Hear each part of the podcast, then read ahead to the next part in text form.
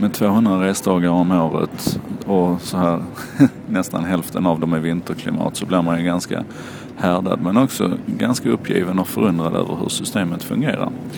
Nu är jag lyckligtvis mest en SAS-resenär vilket betyder att jag drabbas inte så ofta av de här enorma SJ-problemen. Men, men även på flyget så är det ju lite strul som idag med kabelbrott på Arlanda och en sådär halvtimme, timmes försening.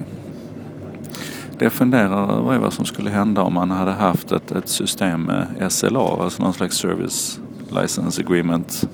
Ungefär som man har i, i, när det gäller webbhosting och när det gäller många andra former av service.